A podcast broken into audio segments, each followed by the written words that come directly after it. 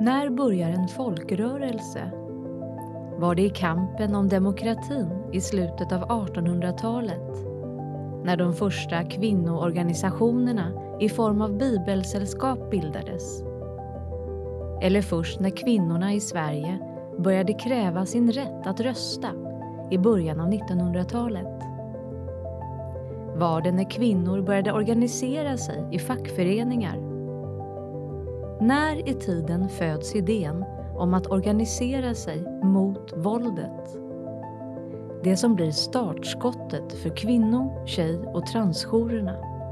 En rörelse utan dess like i Sverige. Jag, den röst du hör, är jouranden som varit med från starten. Jag har sett allt. 1978 startar organisationen Kvinnocentrum ett kvinnohus i Göteborg. Det är Sveriges första jour.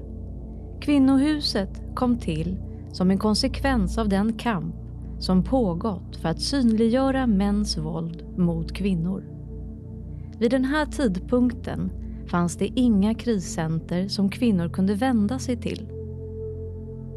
Våldet mot kvinnor var inte längre en privat angelägenhet utan det ställdes krav på att samhället måste agera.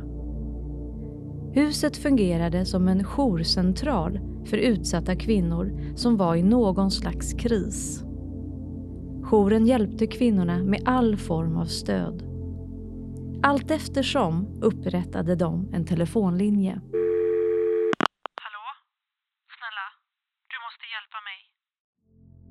Sex år senare, 1984, finns det över 80 jourer i Sverige. Detta år bildas ROX. Idag står ROX för Riksorganisationen för kvinnojourer och tjejjourer i Sverige.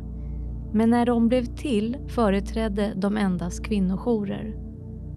Syftet var att samordna mellan jourerna. Att jourerna är röstberättigade medlemmar i ROX. Organisationen bedriver också politiskt påverkansarbete för att stärka jourernas roll. Stockholm 1996 bildas den första tjejjouren i Sverige som riktar sig till målgruppen tjejer och unga kvinnor. Detta blir början för fler tjejjourer och även jourer som riktar in sig på andra målgrupper eller inriktningar. År 2016 utvidgar Tjejjouren i Malmö sin verksamhet för att inkludera transpersoner. Det här blir den första transinkluderande jouren. Idag finns 18 ungdomsjourer som är transinkluderande. Under åren lyckas jourerna skapa opinion och viktiga lagar såsom lagen om målsägande beträde, lagen om kontaktförbud och även sexköpslagen kommer till som en följd av detta.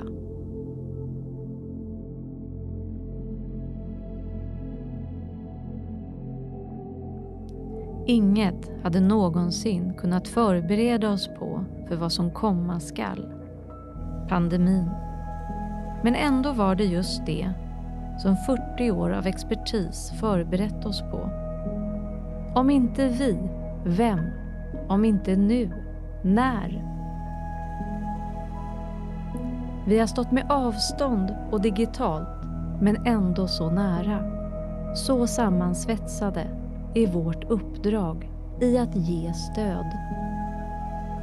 Vi fick hitta nya sätt att nå ut till vår målgrupp genom sociala medier, utomhusaktiviteter och fått nå ut via lokala verksamheter och i lokaltidningen. Vi har fått mötas utan att träffas genom att ställa om till telefoni och chatt. Vi har fått utöka tiden vi är tillgängliga för att nå ut till fler.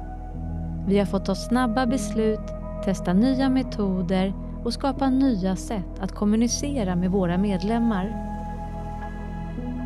Vi har haft sämre kontakt med socialtjänsten.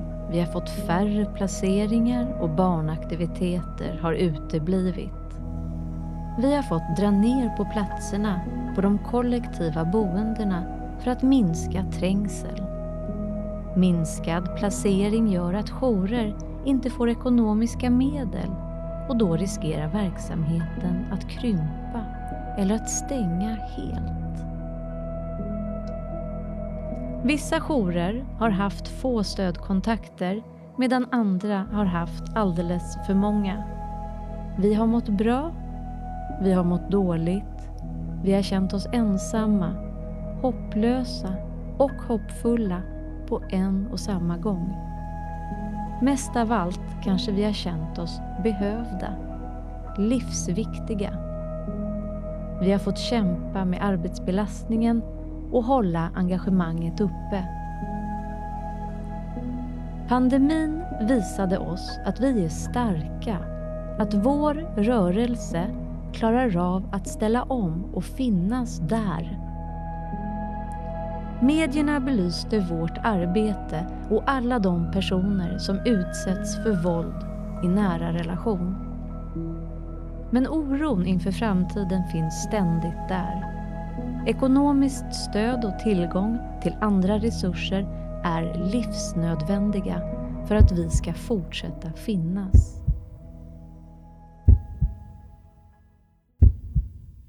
Hur vi klarade oss igenom allt detta, det går bara att härleda till summan av allt arbete av de som kom före oss.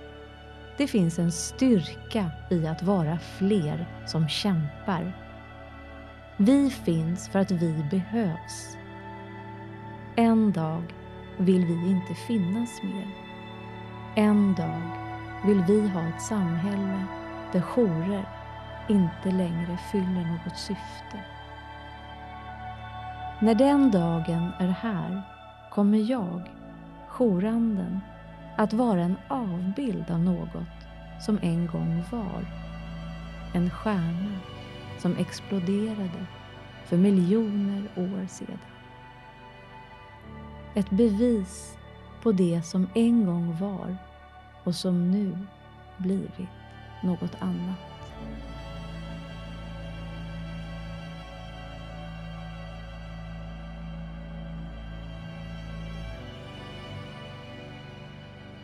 Jouranden är producerad av Mill Meadow Media inom ramen för det digitala residenset Owen Network Sweden 2021-2022 på Interkult. Röstskådespelare är Beata Shori, producent, manusförfattare, klippare och ljuddesigner är Sofia Svandi. Stort tack till alla jourer som svarat på enkäten om sina erfarenheter under pandemin